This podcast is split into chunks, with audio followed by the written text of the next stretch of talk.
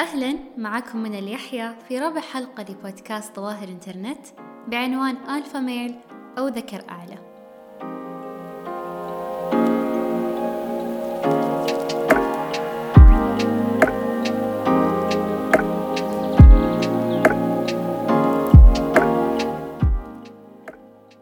في علم سلوك الحيوان يوجد عند بعض فصائل الحيوانات مثل الأسود والذئاب وقرود الشمبانزي تسلسل مرتبي للهيمنة بحيث يحظى الحيوان المهيمن والمسمى بالآلفا على أولوية للموارد المحدودة من الغذاء وفرص التزاوج. أما الحيوان الأدنى والأضعف يسمى بالبيتا واثنينهم الآلفا والبيتا ممكن يكونوا ذكور أو إناث. المصطلحين مشتقة من الحروف الأغريقية حيث أن حرف ألفا هو أول حرف ثم يتبعه حرف بيتا. ويرمز على تبعية وخضوع البيتا لسلطة وأولوية الألفا. المصطلح قبل التسعينات ما كان يشار فيه للمجتمعات البشرية. وفي عام 1982 ذكر العالم الهولندي والمتخصص في الرئيسيات وعلم السلوك الحيواني فرانس دي فال في كتابه سياسة الشمبانزي السلطة والجنس بين القردة. أن ملاحظاته في سلوك قردة الشمبانزي ممكن تطبق على المجتمعات البشرية. طبعا النقاد رفضوا هذه الفكرة لأن المجتمعات البشرية معقدة أكثر من المجتمعات الحيوانية. والشخص ممكن يكون له سلطة في مكان ولكن في مكان آخر يكون خاضع لسلطة شخص آخر. لكن في بداية التسعينات بعض المنصات الإعلامية والمجلات بدأت توصف الرجل الرجولي الناجح في عمله بالآلفا وفي عام 1999 في مقال لمجلة Time Magazine وصف نائب الرئيس الأمريكي في عهد الرئيس بيل كلينتون ألبرت غور بأنه ذكر بيتا المصطلحين هذه استمرت بالانتشار. وفي عام 2005 طلع كتاب اسمه The Game الكتاب عبارة عن كيف الرجال يقدر يرقم البنات. الكاتب نيل ستراوس نفسه كان رجل متوسط الشكل والصفات. وذكر أنه تعرف على رجل علمه كيف يكون ذكر ألفا في كتابه وصف الذكر الألفا بأنه واثق من نفسه ذو مظهر مرتب وشخص اجتماعي ومركز الاهتمام. أما الذكر البيتا وصفه بأنه مهمش من النساء وإنسان يسهل التحكم فيه وقليل ما يحصل مبتغاه لأنه جبان. في كتابه روج لفكرة أن الشخص ممكن يتحول من ذكر بيتا لذكر ألفا سواء عن طريق برمجة لغوية عصبية أو عن طريق المكملات الغذائية أو تغيير لغة الجسد. دايم في طريقة لتغيير الذات لتكون شخص جازم ومسيطر. طبعا مع انتشار ال social media زادوا مستخدمين المصطلح بالأخص من قبل ال manosphere. وهي عبارة عن مجموعات ومواقع وحسابات تروج للذكورية والكره الداخلي للأنوثة والحركة النسوية. كثير من اللي يدعون أنهم خبراء استخدموا أسلوب الكاتب نيل ستراوس بإمكانية تغيير التسلسل الهيمني عن طريق اتباع أساليب معينة. ابحث في جوجل عن كيف تصبح ذكر ألفا. بيطلع لك أكثر من نص مليار نتيجة. اختبارات شخصية لتحديد مستوى هيمنتك وملايين من المقالات والفيديوهات اللي تشرح الأساليب العديدة لتكون ذكر ألفا. النصائح اللي يعرضونها المروجين لأنفسهم على أنهم دليل الرجل ليكون ذكر ألفا متعددة. بعضهم يستخدم النظرة الدونية لأي شخص خارج تعريف الألفا مثل اليوتيوبر أليا هوس اللي محتواه متركز على الخشونة المبالغ فيها والأدوار التقليدية للرجل والمرأة. مثل ما ذكر أن مكان المرأة هو داخل المنزل ويوصف أي صفة سيئة مثل الكذب والتلاعب والخوف بأنها صفات أنثوية. وأي رجل يحمل هالصفات المفروض يجلس في المنزل مع النساء. والبعض يقنع الرجال بالعدائية كوسيلة للحصول على احترام الآخرين مثل مايك سيرنوفيتش وهو شخصية نوعا ما معروفة في مجتمع ال manosphere. اللي يقول لمتابعينه وقفوا تبتسمون زي المغفلين وإن البنات حتى لو قالوا عليك مكشر بيعجبون فيك أكثر من لو كنت مبتسم.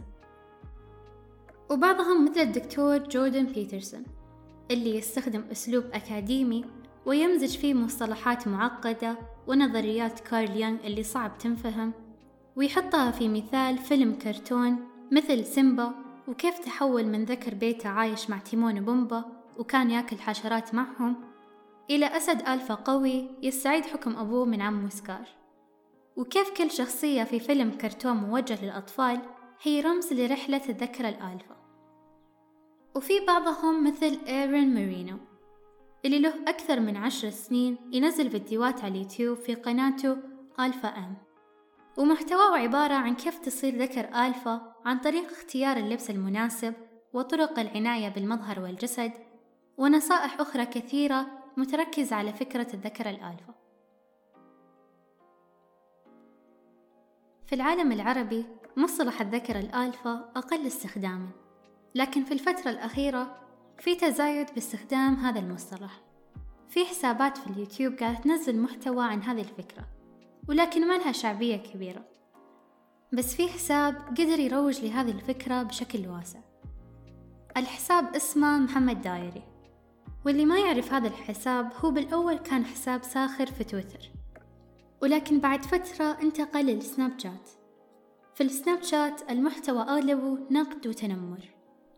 وهناك بدأ يروج لهذه الفكرة لكن مع تغيير بسيط. الذكر الآلفا يسميه ذكر أعلى أما الذكر البيتا يسميه ذكر أدنى. لكن الفكرة واحدة.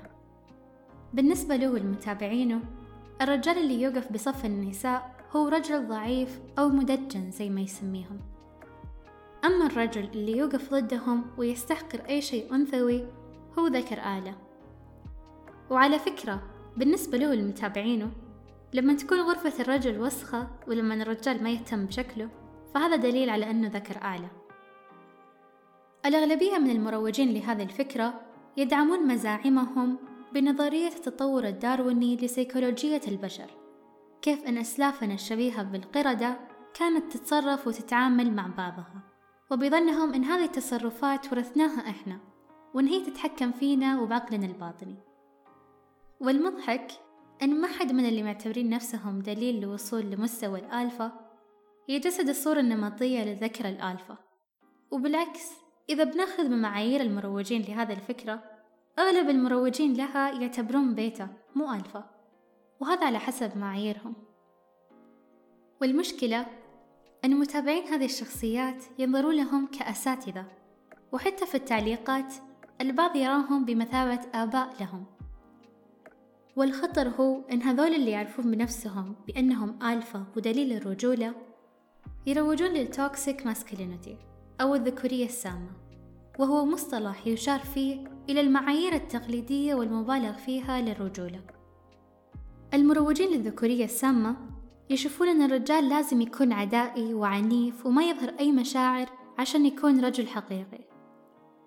بالإضافة كثير من المؤمنين بفكرة الذكر الآلفا يرون أن النساء بطبعهم خاضعات وأن المرأة مستحيل تحب الرجل اللطيف اللي يعاملها بالتساوي وأن هدفهم هو استغلال الرجال الطيبين. وحتى لما البنات يقولون لهم إن هالشي مو صح لسه يصرون على أن البنت بداخلها تجهل طبعها وتنكره. كمان شي نحتاج نذكره هو أن اللي يشوف نفسه ذكر ألفا يستمد فخره وقيمته من خلال التقليل من قيمة الرجال اللي ما تنطبق عليهم المعايير الخاصة في الألفا.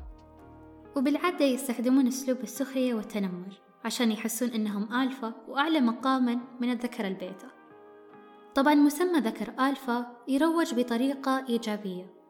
وإنك أنت كرجل المفروض تطمح لهذا المسمى. صار الرجل يشوف فخر أنه يكون رجل أعلى ويبرر أفعاله السيئة لأن بنظره هي أفعال الرجل. طيب هل طبيعي من الرجل أنه يكون ذكر أعلى؟ كثير جاوبوا جهلا بنعم وأن هناك عوامل بيولوجية لحكم الذكر. لكن هذه المعلومة خاطئة. لما سئل البروفيسور ماثيو كأمان وهو بروفيسور أنثروبولوجيا أو علم الإنسان بجامعة براون عن رأيه بمفهوم الذكر الآلفا ووجوده عندنا على الرغم بأنه لا يوجد حتى بعالم الحيوان بالمعنى المشهور عند البشر.